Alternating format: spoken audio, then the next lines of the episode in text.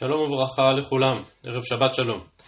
אה, למדנו אתמול את המשנה בדף נ"ד, שמונה את הטומאות שהנזיר אינו מגלח עליהם, אה, ובין היתר מנתה המשנה את טומאת ארץ העמים. אז התחלנו אתמול לראות את הסוגיה של ארץ העמים, מיד נמשיך בה, אבל לפני כן השלמה למה שלא הספקנו לראות אתמול. אז כפי שראינו, התוספות מזכירים את הסוגיה במסכת שבת, שמתארת שתי רמות של גזירת ארץ העמים, האחת משום גושה, מה שהגמרא כאן קוראת איסור משום גושה, דהיינו מפאת החששות הממשיים לטומאה, מתי מבול, קבורת מתים לא מבוקרת וכולי.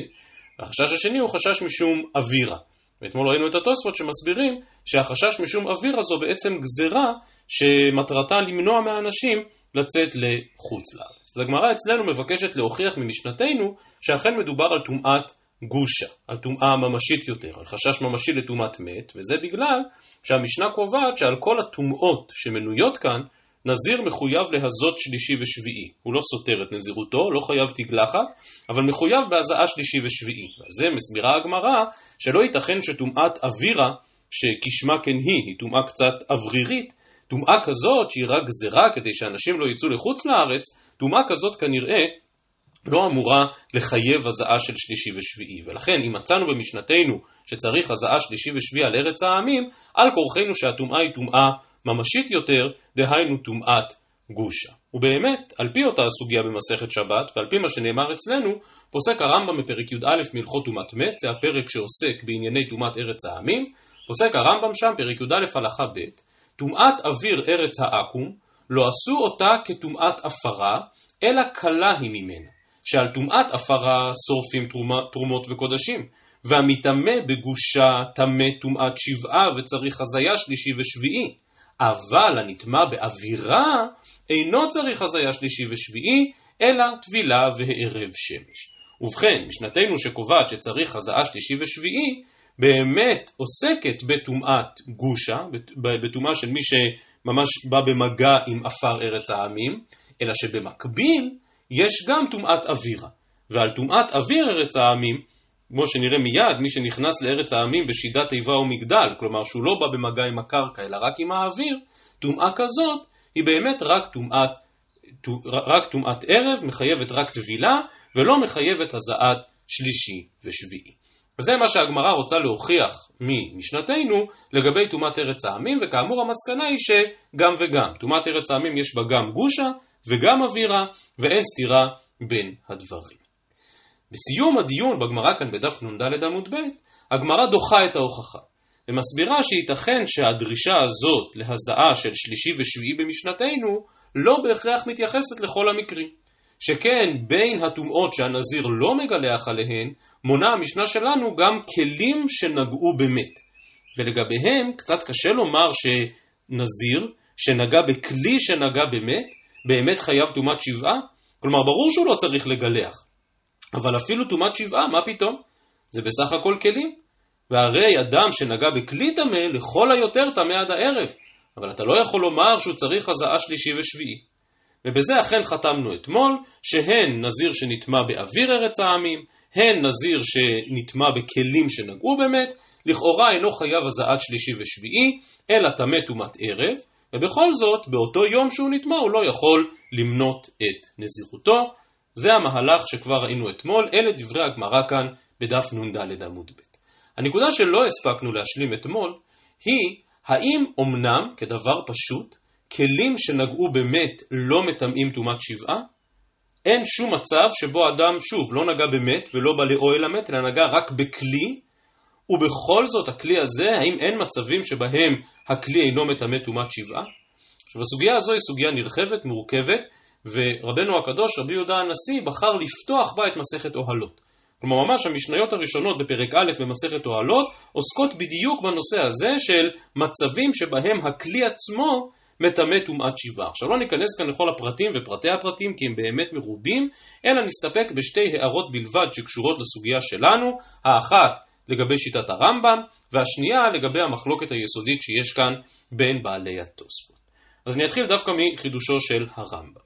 בפירוש המשניות כאן, על המשנה שלנו במסכת נזיר, הרמב"ם מסתפק בהערה קצרה וכותב, והתבאר לך בתחילת אוהלות, שכלים הנוגעים באמת, הנוגע בהן יטמע טומאת שבעה.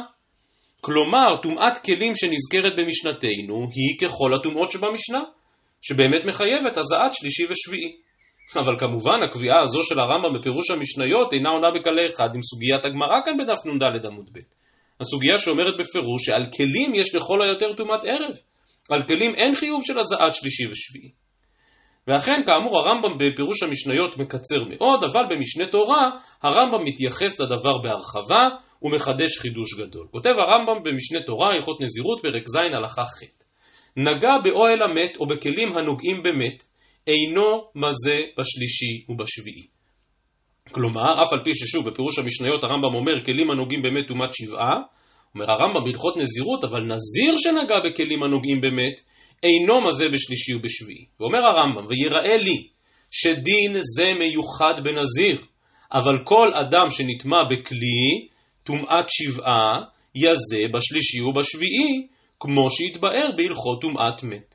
וכן יראה לי שזה אינו מזה בשלישי ובשביעי אם נגע בכלים, כדי שיעלו לו ימי טומאתו בכלי, ממניין ימי נזירותו.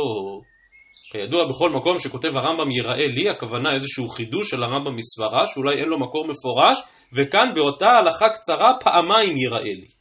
ראשית אומר הרמב"ם, שגם אם מדובר על אותם כלים מן הסוגיה בתחילת אוהלות, כלים שמטמאים אדם טומאת שבעה, אבל נזיר שנגע בכלי כזה, באמת לא חייב הזעת שלישי ושביעי. וזה אומר הרמב"ם חידוש מסברה. חידוש שני אומר הרמב"ם למה? למה הוא לא צריך הזעה שלישי ושביעי? כי אם תאמר שהוא צריך הזעה שלישי ושביעי, אז הוא לא יוכל למנות את הימים ממניין ימי נזירותו. אבל בואו נשאל את הרמב"ם שאלה מקדמית. רגע, אבל אם מדובר על אותם כלים שבאמת מטמאים טומאת שבעה, אז אולי הוא בכלל סותר את נזירותו? לא. הרמב"ם אומר, זה באמת לא ייתכן. ולכן, טומאת כלים במהותה היא מן הטומאות שאינן סותרות נזירות. ולא זו בלבד שאינן סותרות נזירות, אלא שהוא אפילו לא צריך הזעת שלישי ושביעי, גם אם מדובר על אותם כלים מהמשנה באוהלות, או מפירוש המשניות של הרמב"ם כאן אצלנו בנזיר. גם אם מדובר על אותם כלים שבאמת מטמאים טומאת שבעה. הרייבד במקום משתומם על המראה. כותב הרמב"ם, אה, כותב הרייבד כאן בהלכות נזירות, אמר אברהם, כל זה אינו כלום. כלומר, אומר הרייבד, לא, לא, לא הבנתי בכלל מאיזה צד להסתכל פה על הרמב"ם. אלא, מה שאמרו שאדם מטמא בכלים הנוגעים באמת לטומאת שבעה, לטומאת שבעה, לא אמרו אלא בחיבורים. חיבורי אדם בכלים וכלים באמת, כל הנושא הזה של חיבורים, חיבורי חיבורים, אלה אותן משניות שם בתחילת אוהלות. אבל שלא בחיבורים, טומאת ערב. כלומר הרייבד שולח אותנו למשניות שם במסכת אוהלות ואומר דבר פשוט, ההלכה במשנתנו כפופה למה שנאמר שם. כאשר מדובר על כלים, שמי שנוגע בהם טמא טומאת שבעה, אז באמת גם אצלנו טמא טומאת שבעה. וכאשר מדובר על כלים שרק מטמאים טומאת ערב, אז גם אצלנו מטמאים רק טומאת ערב. אבל אומר הרייבד, איפה שמענו ואיפה ראינו שיש איזשהו חידוש מיוחד בנזיר, שאומר שלמרות שהכלי הזה בדרך כלל מטמא טומאת שבעה, כאשר נזיר נגע בכלי כזה, אז הוא לא טמא טומאת שבעה? ומרן רבי יוסף קארו בכסף משנה שתמיד מליץ בעד הרמב"ם, כותב כאן, והוא דבר תימה, שיהא הנזיר קל משאר בני אדם. לא יאמן, אפילו הכסף משנה כותב על הרמב"ם, שדבריו דברי תימה, לומר שיש כלי כזה, שבדרך כלל מטמא טומאת שבעה, ואילו אם נזיר נגע בכלי כזה, אז הוא טמא רק טומאת ערב, כך לשונו של הכסף משנה. עכשיו כמובן שמפרשי הרמב"ם כן מסבירים ומנסים לבאר ולהבהיר ואני חושב שלאור דברים שכבר למדנו, אפשר להבין את היראה לי של הרמב"ם. שכן, באמת, נזיר צריך לגלח כאשר הוא פוגש באמת. באמת, פשוטו כמשמעו. מפגש בכלי, ותהא חומרת טומאתו של הכלי אשר תהא, זה עדיין לא מפגש עם המת. ולכן הרמב"ם אומר שהנזיר לא מגלח על דבר כזה אפילו בכלים שיש בהם טומאת שבעה, וכדי שלא יסתור את נזירותו, אז הוא אפילו לא צריך הזעה בשלישי ובשביעי, עד כאן דבריו של הרמב"ם. כאמור, כל הדיון הזה בין המפרשים, כדי להסביר מהו אותו כלי שבאמת יש בו טומאת שבעה, ומהו אותו כלי שיש בו רק טומאת ערב, ומתי אנחנו אומרים שהנזיר מגלח או לא מגלח, הדיון הזה מחבר אותנו לנקודה השנייה שבה רציתי לעסוק בקצרה, והיא המחלוקת שיש כאן לפנינו בין בעלי התוספות, והיא כבר מחלוקת שנוגעת עד מאוד גם הלכה למעשה, כפי שאזכיר מיד. אז כאמור מפורש בגמרא במסכת נזיר, שאם הוא נוגע בכלי טמא, אז הוא נטמע טומאת ארז בלבד. הוא לא סותר את נזירותו. והשאלה הגדולה שמטרידה את כל הראשונים, כנראה גם סביב הדיון הזה שהזכרנו ברמב"ם, זה מה היחס בין הקביעה הזו, שמפורשת כאן בגמרא אצלנו דף נ"ד עמוד ב', לבין ההלכה, שגם הזכרנו אותה בקצרה אתמול בברייתא, והיא חרב הרי היא כחלל. כלומר, באו חכמים ולמדו מן המקראות שלפחות לגבי כלי אחד, חרב, דינו כחלל עצמו. אז אני מבקש להקריא ממש בקצרה שני קטעים מן הרמב"ם שרק מסבירים מה פשר ההלכה הזו של חרב הרי הוא כחלל. הרמב"ם בפירושו, בפירוש המשנה שם במסכת אוהלות, בתחילת מסכת אוהלות, הרמב"ם שם אומר, אמר יתעלה בטומאת מת, וכל אשר ייגע על פני השדה בחלל חרב וכולי, יטמע שבעת ימים. הוא בא בקבלה, כי אומרו חלל חרב, הכוונה בו שהחרב והחלל שווים. כי אין הבדל בין חלל חרב, או חלל אבן, או חלל עץ. כלומר, מה התורה רוצה לומר בחלל חרב? מה זה משנה אם הוא נהרג על ידי חרב, או נהרג על ידי אבן, או נהרג על ידי עץ? ואין הכוונה בזה, אלא אומר הרמב"ם, שכל הנוגע בחרב אשר נהרג בה המת, יטמע שבעת ימים. כלומר, שמה שהתורה רוצה לחדש בפסוק בחלל חרב, זה שכלי המשחית עצמו, כלי ההרג עצמו, דינו כחלל ממש. מדגיש הרמב"ם ואומר, וכך שאר כלי מתכות וכלי שטף שדינם כחרב. כלומר הרמב"ם מדגיש שזה לא רק בכלי מתכות, אלא בכל הכלים שנקראים כלי שטף, שיש להם טהרה במקווה, בכולם נוהגת ההלכה הזו של חרב הרי הוא כחלל, ושוב נדגיש, לא צריך שזה דווקא הכלי שבו אדם נהרג. מדובר על כל כלי שאדם רק, אה, מדובר על כל כלי שנגע במת, וכבר כלי כזה באמת הופך להיות כחלל עצמו, כך דברי הרמב"ם שם בפירוש המשנה באוהלות. במשנה תורה בפרק ה' מלכות טומאת מת הרמב"ם מסביר קצת יותר וכותב הרמב"ם כלים שנטמעו במת בין במגע בין באוהל הרי הן לנוגע בהן כנוגע במת עצמו. מה המת מטמא הנוגע בו? בין אדם בין כלים טומאת שבעה אף כלים שנטמעו במת הם והכלים או האדם שיגע בהן טמאים טומאת שבעה שנאמר בחלל חרב או במת מפי השמועה למדו שהחרב כמת והוא הדין לשאר כלים בין כלי מתכות, בין כלי שטף ובגדים. והרי הוא אומר כל הורג נפש וכל נוגע בחלל. וכי תעלה על דעתך שזה ירח חץ והרג, או זרק אבן והרג נטמע שבעת ימים? אלא הורג נפש בחרב וכיוצא בה, שנטמע בנגיעתו בכלי שהרג בו, שהרי נגע הכלי במת. אז אם מקודם הסביר הרמב"ם שזה לא משנה בחלל חרב, מה זה משנה איך, איך החלל נהרג? בחרב, בעץ, באבן. כאן מסביר הרמב"ם, כל הורג נפש, וכאן הרמב"ם קפץ מהפסוקים בפרשת חוקה לפסוקים בסוף ספר במדבר לגבי מלחמת מדיין, והרמב"ם בא ואומר שזה לא מש... שברור שאדם שהורג מרחוק לא נטמע. על כורחנו שכל הורג נפש וכל נוגע בחלל שנאמר שם במלחמת מדיין, מדבר על הכלים שיש בהם טומאת חרב הרי הוא כחלל. ובכן, החרב נחשבת כמת עצמו, וכאמור לדעת הרמב"ם כך דינם גם של כלים אחרים ולאו דווקא כלי מתכות. ומכאן לדברי התוספות. ובכן, מקשים התוספות קושייה פשוטה. איך יכולה הגמרא בדף נ"ד עמוד ב' לומר שבכלים, נזיר שנגע בכלים, יש בו באמת רק טומאת ערב ולא טומאת שיבה? מה תעשה עם חרב הרי הוא כחלל? אומרים תוספות, ואם תאמר ולישנה לידי הני כלים, כלומר הכלים שנזכרו במשנתנו, הני כלים בכלי מתכות מיירי, דאדם הנוגע בהם טמא טומאת שבעה, ובאי הזעה שלישי ושביעי, דחרב כחלל. כלומר, התוספות בקושייתה מאירים, וזה עניין שהוא מוסכם לחלוטין, שיש כלים שמטמאים טומאת שבעה מדין חרב הרי הוא כחלל. ולפי זה, מדוע לא נאמר שגם משנתנו, שוב, שאמרה שנזיר שנגע בכלים נטמע, מדברת על חרב הרי הוא כחלל. ממילא גם נשמטת הראייה של הגמרא שחלק מן הטומאות שהנזיר אינו מגלח עליהן הן טומאות שלא מצריכות הזעת שלישי ושביעי, אלא רק טומאת ערב. לא נכון. במשנתנו מדובר על חרב הרי הוא כחלל, שבוודאי מחייבת הזעה שלישי ושביעי. אלא שמה שמשנתנו רוצה לחדש, זה שכהן שנגע בחרב, או נזיר שנגע בחרב הרי הוא כחלל, אינו סותר את נזירותו.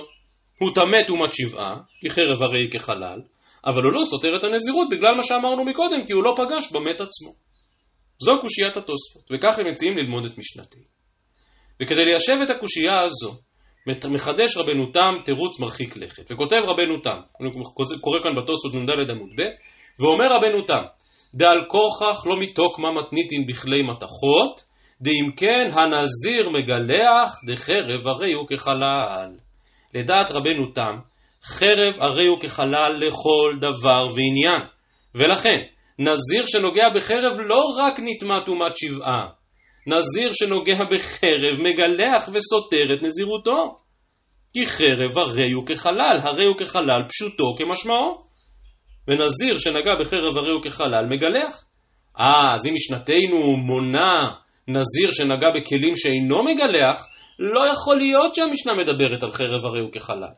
שוב, אם המשנה הייתה מדברת על חרב הרי הוא כחלל, אז זה היה צריך להיות ברשימה הקודמת, של המשנה הקודמת, של תומות שהנזיר מגלח עליהן. ואם משנתנו אמרה שנזיר שנגע בכלים אינו סותר את נזירותו, על כוכך שמדובר על אותם כלים שהם לא חרב הרי הוא כחלל. ואם ככה, באמת הם מטמאים רק טומאת ערב, וזה מה שכתוב כאן בגמרא. ואם כן, דעת רבנו תם ברורה וחד משמעית שטומאת חרב הרי כחלל היא טומאה גמורה. והנה רבנו חיים כהן, מחשובי בעלי התוספות, מקשה לרבנו תם. אני ממשיך וקורא כאן בתוספות דף נ"ד עמוד ב', ושלח לו רבנו חיים כהן, איזה בית אשר תבנו לי. מליצה יפה מהפטרת השמיים כסאי, שבת ראש חודש, בסוף ספר ישעיהו, שואל רבנו חיים כהן את רבנו תם, איזה בית אשר תבנו לי? דאין נזיר מגלח עליו, דאי נזיר מגלח עליו, הוא הדין דכהן מוזהר עליו. ואין לך בית שאין בה שום כלי מתכות שהיה באוהל המת, או שום מסמר. כלומר, בא רבנו חיים כהן ואומר, רבנו תם, לדבריך, שחרב הרי הוא כחלל פשוטו כמשמעו, ונזיר שנגע בחרב הרי הוא כחלל סותר את נזירותו. אז כמו שראינו בפרקים הקודמים, הוא הדין והוא הטעם גם ביחס לכהן. דהיינו שגם לכהן אסור לגעת בחרב הרי הוא כחלל. עכשיו כל כלי מתכתי שפעם היה אפילו רק באוהל המת, יש לו דין של חרב הרי הוא כחלל. אז אם יש איזשהו מסמר קטן, שפעם היה בבית הלוויות, או שפעם היה בבית חולים במקום שיש בו מת, או שפעם היה במישהו שאחרי 120 נפטר בבית, כל הדברים האלה יש בהם דין חרב הרי הוא כחלל. אז אומר רבנו, רבנו חיים כהן לרבנו תם, איזהו בית אשר תבנו לי. אין לי איפה לגור, לפי דבריך. ולכן בא רבנו חיים כהן ואומר, ברור שדין חרב הרי הוא כחלל לא כפשוטו. כלומר, חרב הרי הוא כחלל, מטמא טומאת מת לכל דבר ועניין, חייב הזעה שלישי ושביעי לכל דבר ועניין, ברור. אבל ביחס לתגלחת נזירות, וממילא גם ביחס לאיסורי כהונה, אי אפשר לומר חרב הרי הוא כחלל. וכאשר קבעה משנתנו שהנזיר אינו מגלח על כלים, כוונתה באופן גורף. נזיר שנגע בכלי, ואפילו כלי שהוא חרב הרי הוא כחלל, נזיר לא מגלח. ורבנו חיים כהן מביא הוכחה מפורשת מתוספתא במסכת אוהלות, ואני ממשיך וקורא כאן בתוספות, אבל נזיר אין מגלח אלא על המת בלבד. פירוש, למיעוטי כלים הנוגעים במת, דאיירי בהם. אז בהמשך דבריהם מתלבטים התוספות בשאלה, האם חרב הרי הוא כחלל בכל הכלים כולם, כדעת הרמב"ם, או שמא דווקא בכלי מתכת, לא ניכנס לדיון הזה, אבל המחלוקת בין רבנו תם לבין רבנו חיים כהן, ובעקבותיהם הלכה המחלוקת ונמשכה בראשונים, כשרבים נקטו לכאן ורבים לכאן, היא באמת מחלוקת גדולה וחשובה מאוד הלכה למעשה, כי לפי דרכו של רבנו תם, באמת איזה בית אשר תבנו לי. ובאמת כהן צריך להישמר לא רק שלא להיטמע בטומאת מת, אלא שלא להיטמע גם בטומאת חרב הרי הוא כחלל. ובאמת בהלכות טומאת כהנים, ביורדיה בסימן שס"ט, הרמ"א מביא את שתי הדעות ומכריע לכולה. כותב שם הרמ"א, יש אומרים דכהנים אסורים להיטמא לחרב שנטמע במת, והרמ"א מפנה לכל בו בשם העיראים, תשובת הרשב"א בשם רבותינו הצרפתים, כלומר רבנו תם, אבל מסיים הרמ"א ואומר, ויש מקלים, ומציין עוד פעם לתשובת הרשב"א בשם הרייבד, וכותב, ועיין בתוספות דנזיר באריכות. וכוונתו לתוספות כאן אצלנו בדף נ"ד עמוד ב', ומסיים הרמ"א ואומר, וכן נהגו להקל, ואין נזהרין מזה. כלומר, אותה מליצה של רבנו חיים כהן, איזה בית אשר תבנו לי, אומר, אומר הרמ"א, אכן התקבלה להלכה. ובפועל הכהנים אינם נזהרים שלא להיטמא בטומאת חרב הרי הוא כחלל. אז כמו שאמרתי, המחלוקת הזו בין רבנו תם לבין רבנו חיים כהן, מחלוקת שיסודה לכל הש"ס כולו נזכרת רק כאן, לפנינו, בתוספות נזיר דף נ"ד עמוד ב', וכאמור מחלוקת גדולה וחשובה הלכה למעשה. להשלמת העניין רק נזכיר שבשבוע שעבר בתענית אסתר, הזכרתי את הדיון הגדול של הרב גורן על לימודי רפואה לכהנים, ואת ההמצאה של הרב גורן, ההמצאה שנקראת טבעת. אז המצאתו של הרב גורן בעצם מבוססת על דבריו של רבנו חיים כהן, כאן בתוספות שלפנינו, אני אקריא כמה שורות מאותו פסק של הרב גורן. אומר הרב גורן, אחרי כל האמור אין בכוחנו להתיר טומאת כהנים על סמך שיטות אלו של הרייבד וסיעתו. עליהן דיברנו בשבוע שעבר, הרייבד שמבין שכהן שכבר נטמע פעם אחת, אין עליו שוב איסור להיטמא. ולכן אומר, רבנו, אומר הרב גורן, אבל יש לנו שיטה הלכתית מרווחת שתפתור לנו את הבעיה. ובזה נוכל להתיר לכהנים ללמוד אנטומיה. וזה לאור שיטת רבנו חיים כהן בתוספות במסכת נזיר, והרמה ביורדיה בסימן שס"ט, שכותב שנהגו להקל, ומוסיף הרב גורן ואומר, וכן סובר הרמב"ם, שאין הכהן מוזהר על כלים הנוגעים במת, אף על פי שמטמא בהן טומאת שבעה, כמו שכתב בפירוש בהלכות אבל, פרק ג' כדעתו של רבנו חיים כהן. ולכן, אי לזאת כותב הרב גורן, אפשר למצוא פתרון להתיר לכהנים ללמוד אנטומיה בבית ספר לרפואה מבלי לעבור על איסור טומאה למת, ועליהם לענוד על צווארם שרשרת או תכשיט של מתכת מאוהל המת או שנגע במת. ואז בעצם הם טמאים ועומדים כל הזמן, וממילא ברגע שהכהן ממש טמא, אז אין, אז לא צריך את הרייבד. הרי מה הרייבד אמר? שכהן שנטמע פעם אחת מותר לו להיטמא פעם נוספת, אבל זו לא דעה מוסכמת. אבל ברגע שהכהן ממש כרגע נטמע למת, ברגע שהוא אוחז במת, מותר לו להיטמא בטומאה נוספת. ודין חרב הרי הוא כחלל אומר שהכהן אוחז במת ממש והוא טמא טומאת שבעה, אלא שמצד שני אין בזה שום איסור. מותר לכהן לעשות את זה. כדעת רבנו חיים כהן, כדעת הרמב"ם וכולי וכולי. וזה היה הפטנט, זו הייתה ההמצאה של הרב גורן, להשתמש בטבעת וכך לפתור את הבעיה. אז כבר הזכרתי בשבוע שעבר שהיו רבים שחלקו על הרב גורן והתווכחו איתו מכל מיני, מכל מיני היבטים. כמובן לא נוכל להאריך יותר, גם ככה כבר את רוב דברינו היום רק היה בהשלמה של אתמול, ובכל זאת מצאתי לנכון להעיר על זה כי זו סוגיה חשובה וגדולה.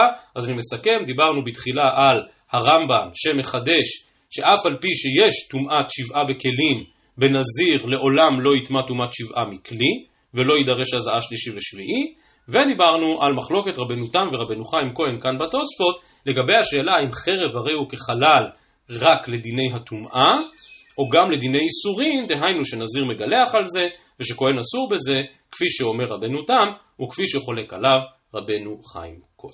טוב, אחרי אריכות הדברים הזאת צריך גם ללמוד דף היומי, אז צריך לעבור לדף שלנו להיום, לדף נ"ה. ובכן, אנחנו בעיצומה של סוגיית טומאת ארץ העמים, משום אווירה או משום גושה, ועל כך אומרת הגמרא, דף נ"ה עמוד א', ממש בתחילת העמוד. לימה קטנה, הנכנס לארץ העמים בשידה, תיבה ומגדל. כלומר, יש לו בעצם איזשהו אוהל שלכאורה מגן עליו מהמפגש עם קרקע ארץ העמים ממש. ובאמת נחלקו תנאים, רבי מטמא, ורבי יוסי ברבי יהודה מטהר. אומרת הגמרא, מה אליו? רבי סבר משום אווירה, ולכן אף על פי שהוא לא נטמע מן הקרקע, הוא עדיין טמא כי הוא טמא מן האוויר. ולעומת זאת רבי יוסי ברבי יהודה סבר שהטומאה היא רק משום גושה, ולכן אם הוא נמצא בתוך שידת תיבה או מגדל הוא באמת לא נטמע. לכאורה זו בדיוק מחלוקת התנאים. דוחה הגמרא ואומרת לא. דכולי עלמא משום גושה. מר סבר אוהל זרוק שמי אוהל, ומר סבר לא שמי אוהל. כלומר, המחלוקת כאן בדיני אוהל, האם אותה שידת תיבה או מגדל אכן חוצצת בפני הטומאה. כי מצד אחד כן, יש כאן באמת צורה של אוהל וחציצה בפני הטומאה, אבל מצד שני, מדובר פה על אוהל מתנייד, על אוהל שלוקחים אותו בידיים.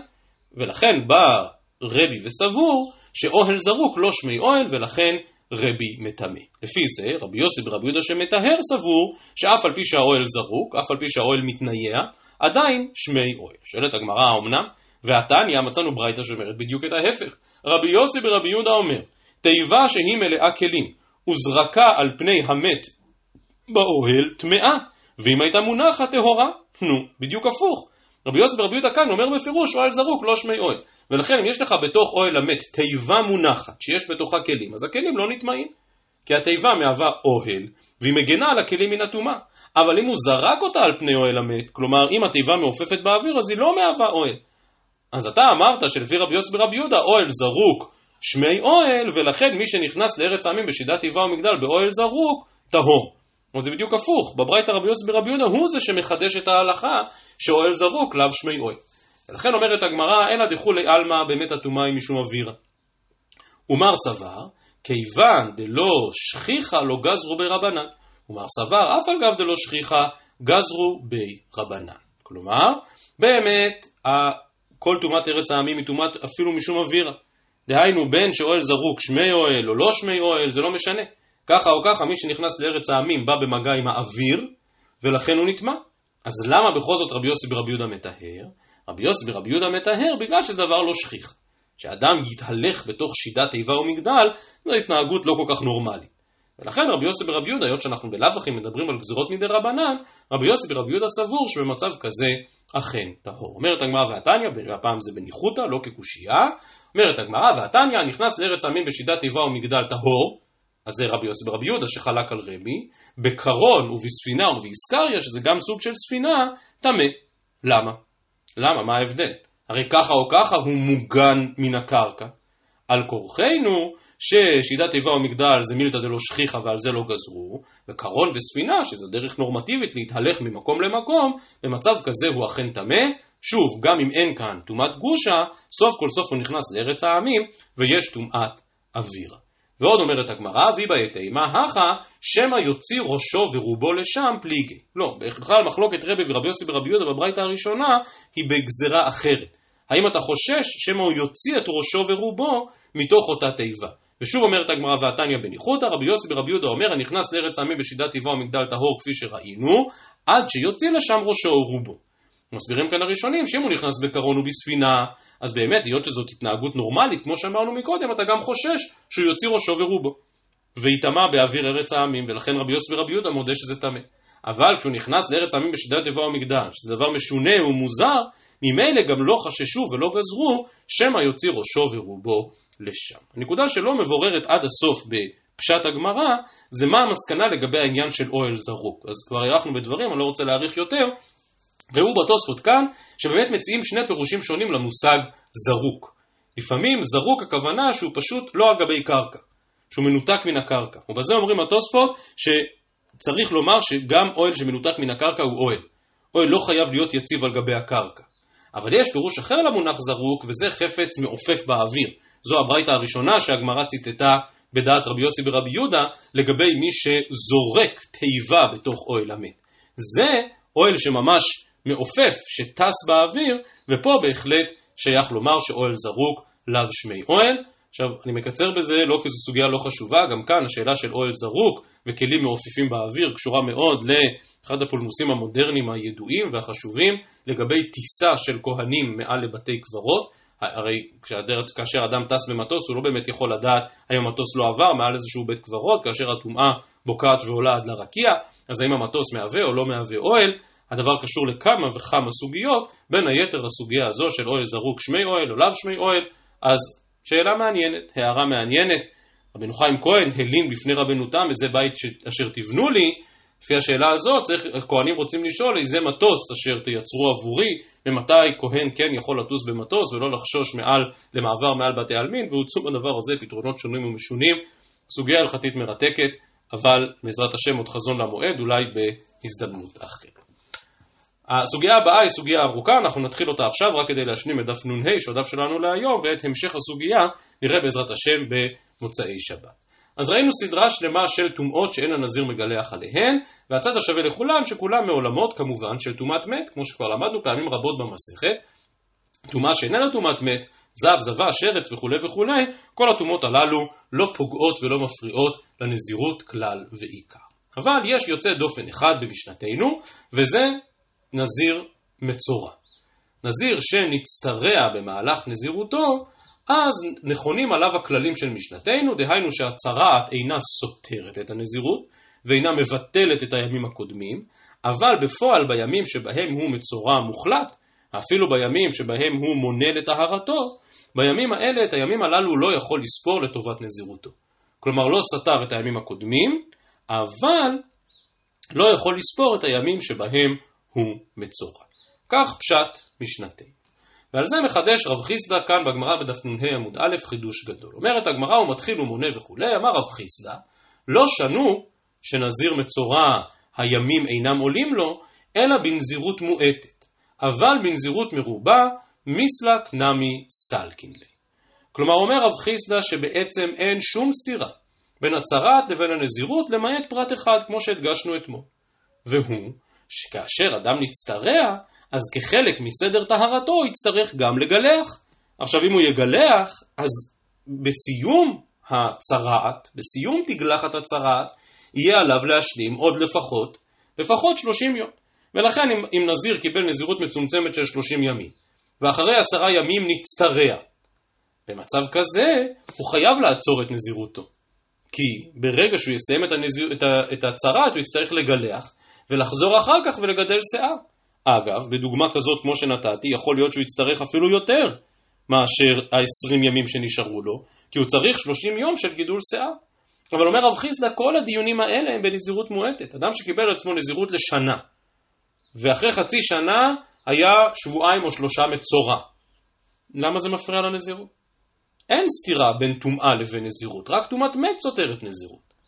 עכשיו שוב, יודגש, כמו שמעירים כאן האחרונים, הנציב במרומי שדה, ועוד, שבאמת רב חיסדא לא חולק על עצם דין המשנה בכל הנוגע לטומאת מת. כלומר, נזיר שיצא לארץ העמים, נזיר שנגע בכלים שנטמעו במת שדיברנו בהם בהרחבה. פה רב חיסדא מודה שבזמן שהוא טמא טומאת מת, גם אם הוא לא סתר את נזירותו, הימים אינם עולים לו לנזירותו. אבל רב חיסדא לגבי צרעת בא ואומר, צרעת זו טומאה אחרת, זו אינה טומאת מת. ולכן היא לא סותרת את הנזירות. ולכן שוב בדוגמה הזאת של נזיר שקיבל נזירות לשנה, ואחרי חצי שנה היה חודש שלם מצורע, בסדר, החודש הזה נספר לו. בסוף אותו חודש מגלח תגלחת מצורע, ועוד בכלל וכי נשארו לו עוד חמישה חודשים עד שהוא יסיים את הנזירות שלו. ולכן התקופה שבה היה מצורע אינה מפריעה לו כלל ועיקר, כך מחדש רב חיסדא. וכאמור ההשקפה העקרונית של רב חיסדא היא ההשקפה שקובעת שאין שום סתירה בין צרעת לבין נזירות. אלא שדבריו של רב חיסדא לא התקבלו להלכה, ואני רוצה לחזור כאן על הלכה שכבר למדנו בעבר מן הרמב"ם, והרמב"ם מבהיר שבאמת הדברים אינם כדעת רב חיסדא. כותב הרמב"ם פרק ז' הלכה ט"ו מהלכות נזירות, אני עוד פעם אומר זו הלכה שכבר למדנו בעבר. כותב הרמב"ם וכיצד הוא מותר בתגלחת מצווה. כלומר איפה מצאנו שמותר לנזיר בכל זאת לגלח? אם אתם זוכרים את המשנה שאומרת שמצאנו מצבים שנזיר מגלח, מתי? נזיר שנצטרע. אז כותב הרמב"ם כך, נזיר שנצטרע ונרפא מצרעתו בתוך ימי הנזירות, הרי זה מגלח כל שערו, שהרי תגלחתו מצוות עשה, שנאמר במצורע וגילח את כל שערו, וכל מקום שאתה מוצא מצוות עשה ולא תעשה, אם יכול לקיים את שניהם מותר, ואם לאו יבוא מצוות עשה, של תגלחת מצורע, וידחה את לא תעשה, של איסור תגלחת לנזיר. ואז מקשה הרמב"ם קושייה, כותב הרמב"ם, והלא נזיר שגילח בימי נזרו, עבר על לא תעשה, ועשה, שנאמר, קדוש יהיה גדל פרע שיער ראשו. ובכל מקום אין מצוות עשה, של תגלחת מצורע, דוחה את לא תעשה ועשה שיש באיסור תגלחת לנזיר. ולמה דוחה עשה של תגלחת הנוגע לנזירות? משיב הרמב"ם ואומר, מפני שכבר נטמע הנזיר בצרעת, וימי חלוטו אין עולין לו כמו שביארנו, והרי אינו קדש, קדוש בהם, ובטל העשה מאליו. ולא נשאר, אלא לא תעשה שהותר לו יעבור על ראשו, ולפיכך בעשה של תגלחת הצרעת, ודחה אותו. כלומר הרמב"ם מבהיר בדיוק הפוך מההשקפה שרב חיסדא רוצה כאן להציע, באמת הגמרא מיד תקשה על רב חיסדא, בא הרמב"ם ואומר, נזיר מצורע הוא לא קדוש. עכשיו היינו יכולים לומר שכל טומאה סותרת קדושה. גם טומאת שרץ, גם טומאת זב, הרי מי שנטמע בשרץ או זב, ודאי אסור לו לבוא למקדש וכולי וכולי, יש סתירה בין הטומאה לבין הקדושה. לא. אבל אומר הרמב"ם מיוחדת היא טומאת צרעת, כנראה בגלל שהמצורע חשוב כמת וכולי וכולי, ולכן כאשר הנזיר מצטרע אינו קדוש בהם, בטל העשה מאליו. והערה מעניינת שאני חושב שלא מספיק חידדנו אותה אז, ממשיך הרמב"ם ואומר ולא נשאר אלא לא תעשה שהותר לו יעבור על ראשו. כלומר הרמב"ם מבין שלמרות שיש כאן אדם שהוא כבר לא קדוש, כשהוא מצורע הוא לא קדוש, אין בו מצוות עשה של קדוש יהיה. אבל עדיין יש בו לאו. הוא עדיין נזיר. כלומר, אנחנו היינו יכולים אולי לחשוב שהעשה והלאו שבנזירות כרוכים ירדו מן השמיים. כלומר, אם יש בו מצוות עשה של קדוש יהיה, ממילא יש בו גם איסור שיתר לו יעבור על ראשו, אבל אם אמרת שהוא לא קדוש, אז איזה איסור יש כאן? אומר רמב"ם, לא, לא, לא, זה לא נכון. האיסור תר לו יעבור על ראשו, הוא נזיר באשר הוא נזיר, גם כשהוא מצורע, עדיין יש בו הלאו הזה. אבל מצוות העשה, קדוש יהיה, זה באמת לא קיים כאשר הוא כבר נצטרף. ולכן, שוב, מותר לאותו נזיר, כאשר סיים את סדר צרעתו, מותר לו לגלח, ובאה מצוות עשה של תגלחת, ודוחה את לא תעשה שבנזירות. אז כך באמת מסביר הרמב"ם את היחס בין נזירות לבין צרעת, וכאמור רב חיסדא אצלנו מבקש להביע עמדה אחרת. ולומר לא, לא, אין סתירה בין הנזירות לצרעת, כל מה שאני צריך לוודא זה שאחרי שהוא סיים את כל הסיפור של הצרעת, יישארו לו עוד 30 יום כדי לגדל את שערותיו. אומרת הגמרא נ"ה עמוד א' למטה, מיטיב רב שרביה, רב שרביה מקשה על רב חיסדא מעצם משנתנו, מתחיל ומונה מיד ואין מבטל בהן את הקודמיים. כלומר, מה דינו של נזיר שנצטרע? ברגע שסיים את הצרעת, ממשיך מיד את נזירותו ולא מבטל את הקודמים. שואל רב שרביה את רב חיסדא במאי. אילמה בנזירות מועטת, בדוגמה שאני נתתי מקודם, הוא נזיר 30 יום ואז אחרי עשרה ימים הוא יצטרע. אז דין המשנה לא נכון, הוא כן מבטל את הקודמים. כי אחרי שהוא יסיים את תגלחת הצרעת, הוא צריך עוד 30 יום, הוא צריך עוד זמן לגדל שיער. ולכן משנתנו אינה מדברת על נזירות מועטת. בנזירות מועטת נזיר שנצטרע כן מבטל את הקודמים. הוא כן יידרש עוד הפעם למנות 30 יום של נזירות כדי לגדל שיער. ולכן, אילמה בנזירות מועטת, כבאי גידול שיער. אלא לאו, אומר רב שרביה, דף נ"ה עמוד ב', על כורחנו שמשנתנו מדברת בנזירות מרובה, בנזירות ארוכה יותר. ואז באמת הוא לא זקוק לאותם 30 יום, כי עוד גם ככה יש לו עוד זמן שנשאר לו בנזירות, אבל הוא לא מנה את הימים שבהם היה מצורע. וקטני מתחיל ומונה מיד. עונה הגמרא, הוא מוטיב לה והוא מפרק לה, בנזירות בת 50 יום. ואז יתיב 20 והתיילדה ביצרה. מה קורה אחרי שהוא מגלח צרעתו? הדר יתיב 30 יום דנזיר דהאית לי גידול שיער.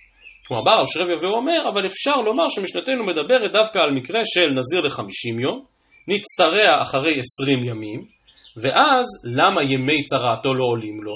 כי בכל מקרה, גם אילו היו עולים לו, אחרי תגלחת הצרעת הוא צריך עוד לפחות 30 ימים. עכשיו מראים כאן התוספות שהדוגמה עליו בדווקא, אפשר להגיד אותו דבר על 40 יום ונצטרע אחרי עשרה ימים, וכדומה. אבל הרעיון הוא שבאותם מצבים שבהם מה שנשאר לו אחרי שהצטרע זה בדיוק 30 יום, על זה נכון דין המשנה. שמצד אחד לא סתר את הקודמים, כלומר מה שהוא ספר הוא כבר ספר, אבל מצד שני ימי צרעתו לא עולים לו כי אחרי הצרעת הוא עוד יזדקק ל-30 ימים. אבל, הנה חינמי, אם מדובר על נזירות, כמו שאמרתי מקודם, של שנה, והוא נצטרע אחרי חודשיים והיה במשך חודשיים מצורע, במצב כזה, הימים אפילו עולים לו. ולכן ממשנתנו, מסכם רב שרביה ואומר, אי אפשר להביא הוכחה חד משמעית. כדי בכל זאת לנסות להביא הוכחה, מבקש רמי בר חמא להידרש למקרה הרבה יותר מורכב, לגבי נזיר שהיה טמא בספק, אה, ולא בטומאת ודאי, אבל כמו שאתם רואים כאן את אריכות הדברים בתוספות דף נ"ה עמוד ב', הם כבר קשורים לדבריו של רמי בר חמא, אז בהם בעזרת השם נעיין במוצאי שבת. אז במוצאי שבת ננסה להסביר את המורכבות כאן של נזיר שהוא גם מצורע מספק וכולי וכולי, ולאחר מכן גם נשלים את הפרק ובעצם נפרע את החוב שהלכנו וגלגלנו לכל אורך הפרק, שכן המשנה האחרונה בפרק היא זו שעומדת על יסוד העניין ועל השאלה מהן הטומאות שהנזיר מגלח או לא מגלח עליהן.